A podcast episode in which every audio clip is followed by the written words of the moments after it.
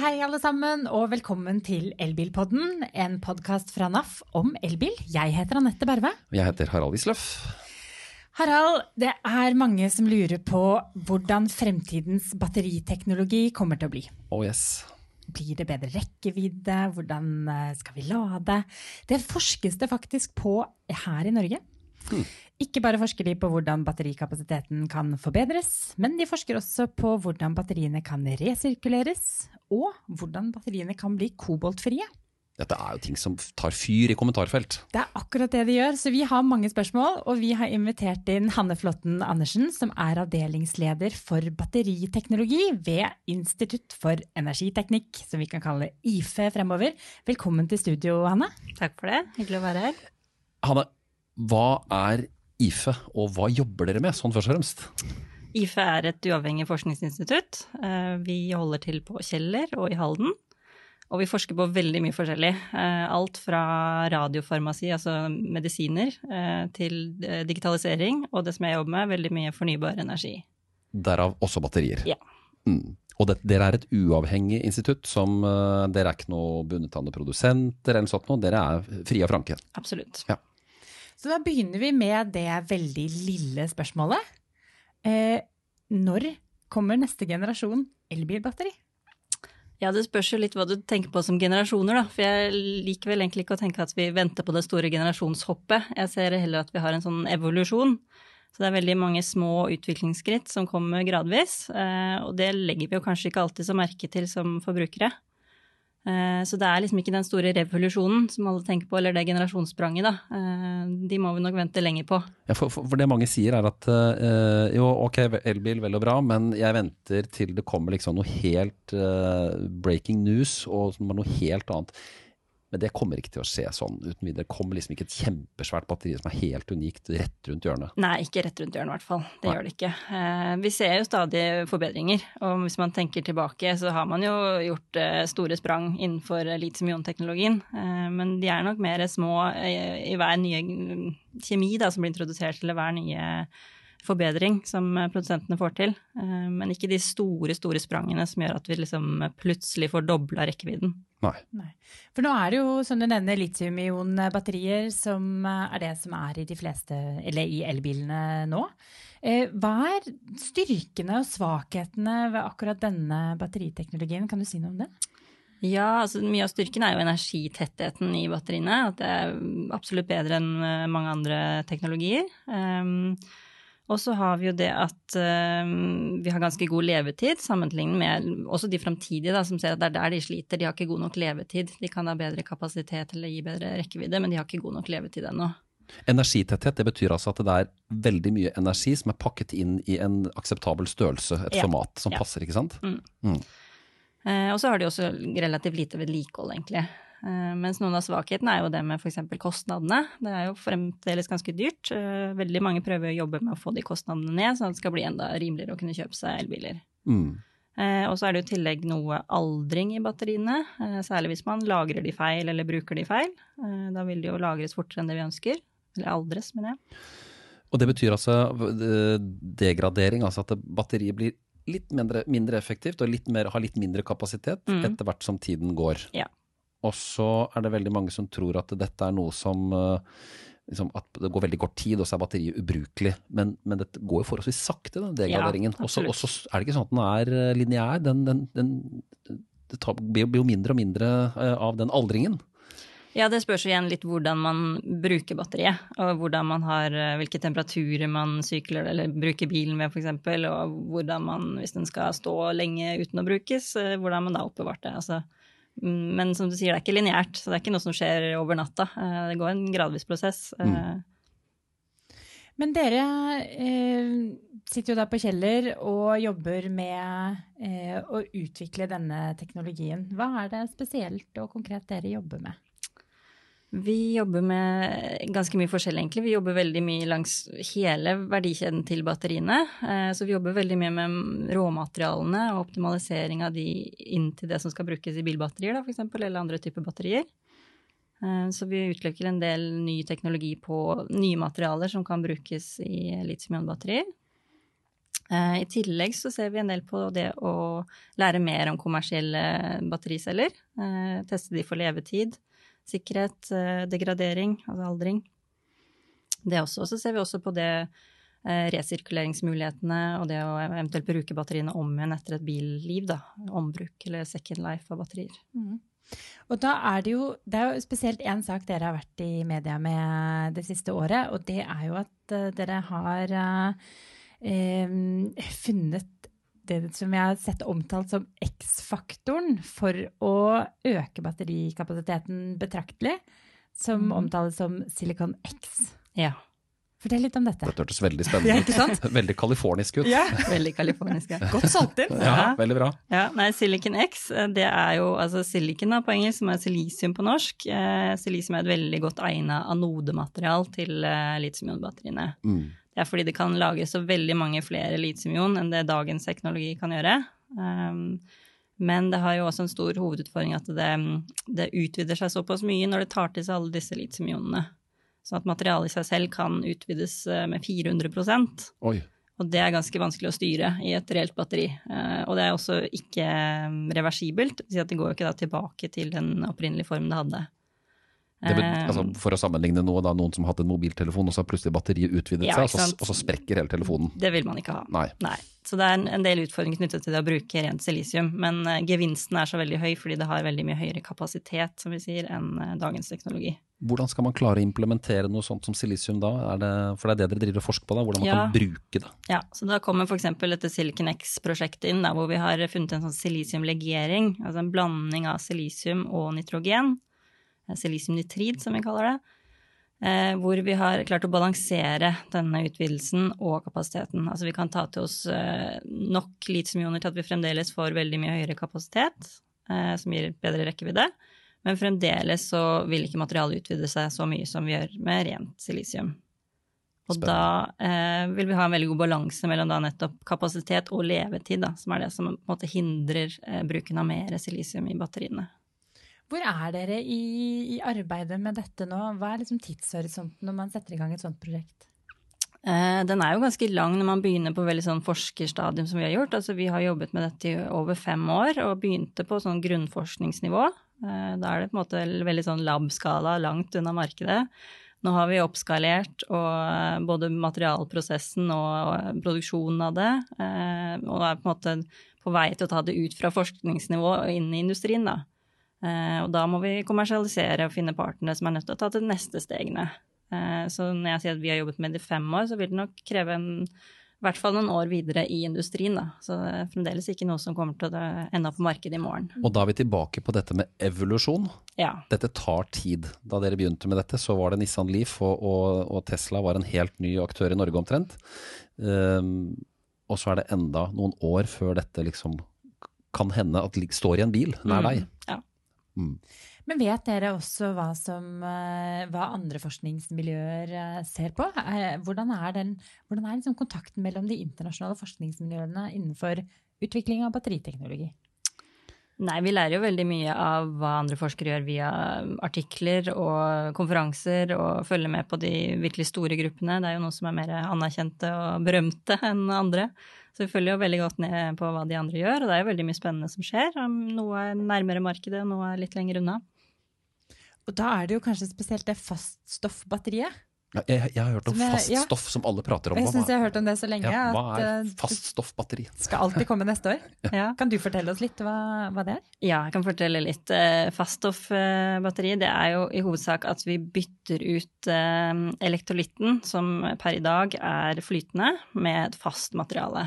Aha. Ja, og, Rent fysisk fast, altså? Ja. Mm. Altså da blir det enten en polymer eller en keramisk materiale. Skjønner. Og elektrolytten den skal jo lede ionene fra katoden til anoden og tilbake. Eh, eh, så hvis vi bytter det ut med fast materiale, så er vi nødt til å ha et materiale som har like god ledningsevne, som vi sier da, ellers får vi et mye tregere batteri. Mm. Og det er litt av det utfordringen ligger i å finne et uh, jevntgått materiale i forhold til det flytende. Men det er jo et veldig ønske å få til et fast materiale, fordi da kan vi øke sikkerheten til batteriene betraktelig. Eh, og vi kan også muliggjøre noen av de fremtidige batteriteknologiene, som f.eks. litium luft, som ligger langt fram i tiden, men det kan være på en måte første skrittet på veien dit, da. Litium luft? Ja. Den kan du få lov til å utdype litt. Bitte litt? Nei? Nei? Jo da, altså litiumluft det handler jo om å bruke litiummetall eh, som den ene elektroden, og så bruke luften eh, rundt oss som den andre. Eh, og det her er jo veldig forskerstadig ennå, eh, langt unna noe vi kan få inn i biler. Men det er på en måte det holy grail eh, av batterier. Fordi det vil ha absolutt mest kapasitet. Men per i dag så er det veldig vanskelig å bruke rent litiummetall fordi det er så reaktivt. Og det er ikke kompatibelt med den flytende elektrolytten vi har i dag, f.eks. Men med all denne utviklingen som nå skjer, hvis du skal tørre å spå litt inn i fremtiden. Mm. Er det realistisk at det kommer et batteri som gir deg typisk dieseltanken eh, i batterikapasitet? At vi snakker 100 mil rekkevidde? At det er en ny normal? Mm, det kan jo bli det om en del år, men sånn jeg ser de neste tre til fem årene, så vil det nok være en mer sånn jevn utvikling. Altså vi vil ikke få liksom den fordoblingen med en gang. Eh, vi vil få Eh, noe bedre kapasitet og rekkevidde, noe bedre mm, Mye som gjøres, gjøres opp på optimalisering av selve mm, designet av cella. Eh, prosessene rundt det. Eh, ikke nødvendigvis på kjemien og det inni også. Så vi har den der, ja, som jeg kaller evolusjonen hvor vi får mange små forbedringer over tid. Da. Men jeg tenker på sånn rookie-spørsmål her. Et elbilbatteri er jo ikke som et kjempesvært AA-batteri. Det er jo en pakke bestående av masse batterier. Kan du ikke forklare liksom hvordan, hvordan, er et elbilbatteri bygd opp sånn, eh, sånn, i det vanlige? Ja, og der også er det jo forskjeller. For du har jo f.eks. Tesla som, som, bygger det opp som en rekke nesten A-batterier. Nå forandrer de litt formfaktoren sin også, men de bygger det opp med serieproduserte type sånne, eh, sånne type batterier som A. da. Tusenvis av runde batterier. Ja. som det er lett, og De begynte jo med det fordi det var veldig lett å få tak i mange av de med god eh, kvalitet. Eh, det var på en måte det som var lettest for de når de starta. Mens det er mange andre produsenter som har såkalte pouch-celler, som er disse mer flate, store cellene, som har en helt annen formfaktor. Så bygger man opp en pakke av det. Men like fullt, det er et elbilbatteri består i bunn og grunn av masse andre batterier som på en måte er koblet sammen, ja. og som utgjør da en bestemt kraft ja. totalt sett. Og hvis man vil grave inn i battericellen igjen, da, så består de også av en, to elektroder, en anode og en katode. Eh, og elektrolytt i midten, eh, og en separator. Her er det noe slags kjemi på videregående som, jeg, som demrer, ikke sant? Med ja. anode og katode. Det er jo litt ålreit å lære litt mer om dette her. For det, det, er jo det er liksom litt vanskelig å forstå. Men hvorfor kan vi ikke bare få bedre kapasitet nå? Eh, når det er så mange som forsker på det. Men det andre du sa at dere ser nærmere på, det er jo resirkulering av eh, batteriene. Mm. Eh, og det er jo også noe som mange er veldig opptatt av, eh, og, og, lurer veldig på. Men hvordan skal, for det første, hva er da levetiden på de elbilbatteriene? Og når de eh, er eh, i anførselstegn døde, hva skjer da? Ja, jeg føler at vi må ha en forsker eller en, en, ekspert til å kunne si noe om dette her, for å ikke kunne falle for alt som står i kommentarfeltene med, med alskens fordommer at batteriet går i stykker etter 80 000 km, eller ja, fortell. Ja, um, altså det forskes jo veldig mye på hva som skal gjøres med batteriene etter såkalt end of life, da. Og det som første kan, kan si, er at de er jo ikke døde da. Altså da er det veldig mye kapasitet igjen i batteriet. Uh, gjerne opptil 80% det er liksom det vi sier at det er igjen etter et billiv, da. Og så er det jo litt sånn noen hundre tusen kilometer da, på en bil. Ja, sikkert. Ja. Um, og så er det litt sånn uh, spørsmål da, om man vil ta det batteriet ut av den bilen. Og det er jo ikke alltid bilene er laget for dette. Uh, så kanskje man bare velger å fortsette å kjøre med et batteri som har litt lavere uh, rekkevidde og ikke er optimalt lenger, men allikevel fungerer en god stund til. Eller så kan man jo begynne å se på det å ta ut batteriene og bruke til noe annet. Og da snakker man jo om ombruk da, eller second life av batterier. Og det her er et ganske nytt tema fordi volumene av brukte bilbatterier rett og slett ikke er så store ennå. Det er ikke så mange batterier som har gått i stykker ennå, rett og slett? Nei, Nei, det er jo ikke det. Og det sier jo sitt, på en mm. måte? Ja, de holder gjerne lenger enn det de på en måte ble lovet i starten. Uh, så det er ikke så mange brukte batterier som både kommer tilbake til uh, resirkulering eller ombruk. Og så vet jo vi i Norge at det er stort sett rust og andre ting som eh, tar resten av bilen før batteriet går i stykker. Mm. Men hva, hva, er en typisk applikasjon da for et batteri som enten, som du nevnte i sted, som er fra en kollisjonsskadd bil, eller fra en bil som er rustet i stykker, hvor det fortsatt er energi igjen i batteriet. Hva kan man gjøre med dem? Ja, Man kan jo vurdere ombruk, da. Eh, nå er det noen pilotprosjekter på det, som f.eks. på Bislett, eh, hvor de har satt en del sånne batteripakker sammen for å eh, lagre overskuddsenergi rett og slett i bygninger. Eller så kan det også brukes i form av å lagre energi fra solcelleparker, vindmøller osv. Eh, eller ta toppene på veldig mange av disse fornybare energikildene som har liksom varierende eh, topper. Men det er bare, for å si det enkelt, så betyr det f.eks. på Bislett stadion da, når vi ser på TV-sendinger der på kvelden, så kan det faktisk være da brukte elbilbatterier et eller annet sted i kjelleren i en svær powerbank som gir strøm til lys og TV-sending og alt som er eh, når vi ser på TV. Det kan det være, ja. Hm. Det er jo kult. Det er jo det. Ja.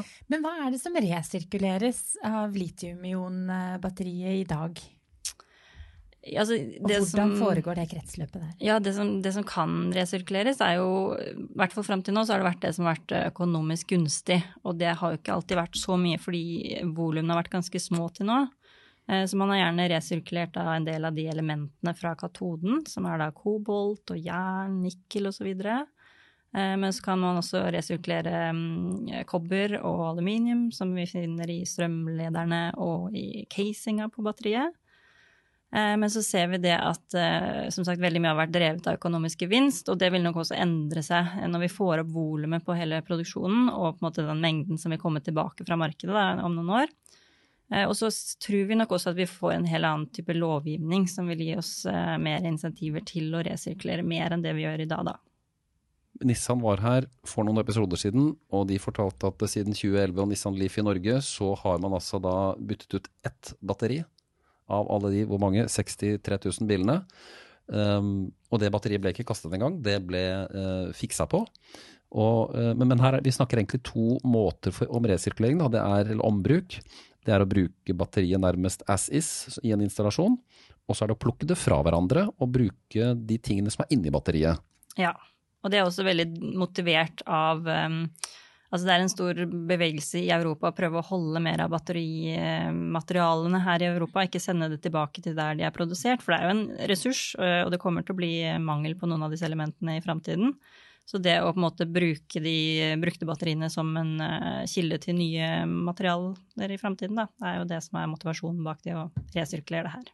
Og her kan det bli arbeidsplasser, og de kan kanskje til og med være i Norge? Ja, absolutt. Det er jo nå flere initiativer på det å resirkulere. Eh, fordi vi kommer til å være et av de landene som har den altså Med den elbilparken vi har, så kommer vi til å ha så mye mm, brukte batterier i framtiden at vi er nødt til å ta et standpunkt i hva vi skal gjøre med de, og hvordan vi skal posisjonere oss til det markedet. Dette er spennende. Det er det. Og, men du nevnte at det kan hende at det er noen av eh, materialene, råmaterialene i eh, batteriene det kan bli mangel på. og kobolt er jo kanskje det materialet som er mest omstridt mm. Eh, når vi snakker om eh, litium-ion-batterier. Og der også er jo dere involvert i et prosjekt der man jobber med å se på om man kan lage et koboltfritt batteri. Ja. Vi ønsker jo, som mange andre, å redusere andelen av kobolt, eller eventuelt kutte det helt ut. Det er jo veldig omstridt, som du sier, og noe man ønsker å gå bort ifra. Um, og det er jo en del utfordringer knyttet til det, for kobolt er en av de elementene som gjør det mer stabilt. Eh, så det er ikke bare bare å kutte det ut og lage like godt eh, batteri. Eh, men vi er med i et stort EU-prosjekt som har det som mål å lage koboltfrie batterier for stasjonær lagring, da, for sånne store powerbanks. Hvor vi da bidrar med å lage anoden, eh, mens det er en dansk partner som ser på det å lage denne koboltfrie katoden. Og der er det veldig mange partnere som alle på en måte optimaliserer sin del av batteriet, og så setter vi det sammen og ser hvor godt det kan funke, og hvor, eh, om det kan være noe for markedet. Er vi på vei mot at kobolt kan forsvinne fra batteriet? Dette er jo, som du sa, omdiskutert. Mm. Det er jo veldig mange som jobber med det, og som sagt, de fleste jobber med å redusere andelen. Det er ikke så mange nærme markedet mm, teknologier som har kutta det helt ut. Vel, vi har jo noen kjemier som er helt koboltfrie også, men de har igjen andre utfordringer. Men veldig mange av de store aktørene jobber med å redusere andelen. Så når vi snakker om dette, denne katoden da, som inneholder kobolt, uh, så har den andelen blitt drastisk redusert de siste årene. Uh, og det er jo sånn mer eller mindre usynlig forandring som ikke forbrukerne legger merke til, men uh, hvor man stadig går mot mindre kobolt i batteriene. Vi hadde jo Amnesty International her i studio, og, som fortalte om dette med kobolt og Kongo. Og slo i hjel en del myter, da, først og fremst. Mm. Men uh, også da sa at uh, det er jo en det er jo bra at man faktisk kjøper kobolt fra rettferdige gruver i Kongo. Eh, men likevel, utviklingen går jo, eller evolusjonen går jo, eh, mot andre stoffer. Og er det, er det andre komponenter i batteriet som liksom kan, som vi har i dag, som kan bli borte eller erstattet fremover? Nei, altså Det er jo faststoff-elektrolytt som kan komme som en annen komponent. Eh, bytte ut den flytende. Eh, og så vil man eh, ha noe forskjellig batterikjemier avhengig av hva slags batteriapplikasjon. Altså om det er en buss eller om det er en bil, kan ha forskjellige typer kjemier.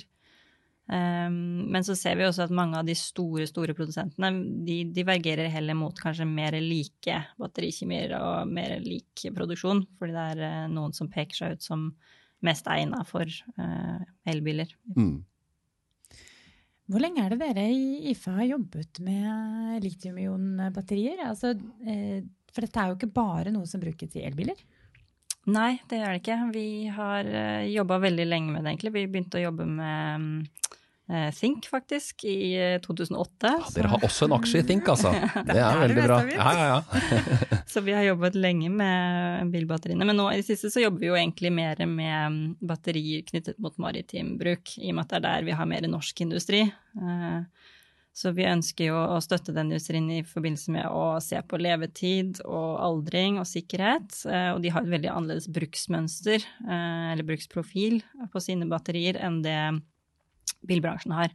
Så det er noe med å liksom finne ut av hvordan er levetiden på et typisk batteri som kunne vært brukt i en bil, men som da ønskes å settes inn i en ferge eller en subsea-installasjon. Hvordan vil det fungere etter de forholdene? Ja, hvordan, hvordan er, det er noen batteriferjer nå i Norge. Mm. Uh, hvordan er de bygget? Er det en, er en enorm mengde med batterier, og så lades det hver gang båten er i land, eller hvordan er det? Ja, det gjør jo det. Det lader jo da den korte tiden hvor de er i land, som er nødt til å ha batterier som fungerer uh, på den korte tiden at det blir lades opp til det nivået det trenger, eh, og som da har, eh, ivaretar levetiden når de vet at de skal kjøre kanskje 24 ganger i løpet av en dag fram og tilbake. Eh, lades litt, og så kanskje lades lenger over natten. Så man er nødt til å se at for et sånn type bruksmønster så vil man ha det riktige batteriet til det. Er elbilbatteriet farlig. Vi hadde DSB i studio for noen episoder siden. Mm. Da snakket vi litt om denne brannen i Stavanger, parkeringshusbrannen. Men, og du sier jo selv hva som er stabilt, og hva som ikke ekspanderer, og sånne ting. Men generelt, er, er et elbilbatteri farlig? Jeg vil ikke si det er noe mer farlig enn å kjøre en eh, diesel- eller bensinbil. Eh, det har jo vært noen ulykker, eh, men det har det også vært med andre typer biler. Og man gjør det jo så trygt som mulig. altså Man har den elektrolytten som er, kan være noe brannfarlig, men da har det ofte skjedd noe feil et annet sted i systemet for at det skal ta fyr eller eksplodere. Det er jo ikke sånn at det skjer veldig ofte, heldigvis. Nei, og man kjører jo ikke rundt med 60, 60 liter eksplosiver om bord, som Nei. man gjør i en bensintank. Nettopp. Men du var inne på det i sted, dette her med at uh, Norge skal ta en del av dette grønne skiftet som nå brer seg om hele verden uh, på flere måter enn bare at vi tar i bruk elbilene, men at vi også skaper arbeidsplasser. Mm. Uh, kommer vi til å klare å Kommer vi til å klare å bli den aktøren også i det verdensomspennende markedet som også da skaper industrien? Ikke bare tar i bruk teknologien? Jeg håper jo vi kan ta en mye større rolle i det her. Og nå har det jo vært, eh, veldig nylig så har det vært eh, en sånn NHO-rapport som vi ved IFE også har vært en del av. Eh, hvor vi har sett på nettopp det den heter grønne elektriske verdikjeder. Hvordan Norge kan posisjonere seg der. Og da er jo batterier blitt pekt ut som en av seks store fokusområder da, som vi bør jobbe mer mot. Uh, og der ser vi det at uh, batterier har en Det er en veldig sånn muliggjørende teknologi, så det vil jo også bli brukt innenfor mange andre områder, som f.eks. havvind og maritim sektor. Um, Strømlagring, altså. Ja. Mm. Uh, og særlig da for batterier så har vi en del fortrinn i Norge som vi burde benytte oss av. Vi har jo god råmaterialetilgang og kunnskap. Eh, og vi har denne mm, maritime industrien allerede, som er eh, godt oppe på det å mm, elektrifisere båtparken sin. Eh, og så har vi også mm, Vi kan også bli relevante innenfor produksjon av battericeller hvis vi klarer å handle fort nok, da, for det vil være et enormt behov for det å produsere battericeller i framtiden. Eh, og der er det på en måte sånn at alle monner drar, så det må opprettes en haug med nye gigafactories, eh, også her i Norge forhåpentligvis. Men da må vi være raske nok ute med å etablere de, så ikke vi henger etter. Norge kommer liksom aldri inn i bilindustrien som en produsent av biler. Og der er, til og, med, der er til og med svenskene allerede i gang før oss. Det er det. Men kan dette kanskje være det lille steget vi, vi kan gjøre da, for å komme et hakk nærmere og være med i bilindustri? Vi har ikke noen bilindustri selv, men vi kan i hvert fall være en supplier av viktige ting. Ja, det får vi håpe. Ja. Dette her er, det er kjempegøy å høre at dette her skjer på norsk jord allerede. At det forskes eh, på ny eh, neste generasjon batteri. Veldig spennende, altså. Ja. Jeg har lært masse, og så har vi slått i hjel noen myter. Um, end of life er noe helt annet enn det man kanskje tenkte seg for noen uh, år siden. Batteriet varer lenge.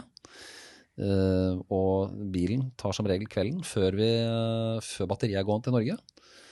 Så hmm, dette ser lovende ut. Det må jo være den beste teknologien i en bil. Nå spør jeg en som forsker på batterier, altså det er et lurespørsmål. Ja. Nei, jeg, jeg syns jo absolutt det. Det er jo absolutt den mest spennende teknologien i en bil. Uh, Mm. Jeg regner vel med at vi kanskje forhåpentligvis kommer til å se Hanne igjen i studio. For uh, vi trenger jo en oppdatering på denne utviklingen. Det gjør vi. Gjerne det. Ja. Veldig hyggelig at du kom og ga oss en liten, uh, en liten innsikt i hva dere holder på med på Kjeller. Veldig spennende. Og så må du huske at du kan abonnere på denne podkasten i alle tilgjengelige podkastapper, inklusive Spotify og iTunes. Og du finner oss på YouTube, på Facebook. Der er vi på NAF Elbil og naf.no elbil. Og vil du tipse på oss som gjester, eller hvis du har spørsmål, så ta kontakt med oss på Messenger på, på Facebook-siden vår, NAF Elbil. Så skal vi prøve å besvare, vi, og stille spørsmålet videre til de ekspertene vi måtte få tak i. Og så ses og høres vi igjen om en 14 dagers tid, Anette, ikke sant? Det gjør vi som alltid. Med en ny og spennende gjest i studio. Og da sier vi ha det bra så lenge, og vi ses og høres. Ha det bra.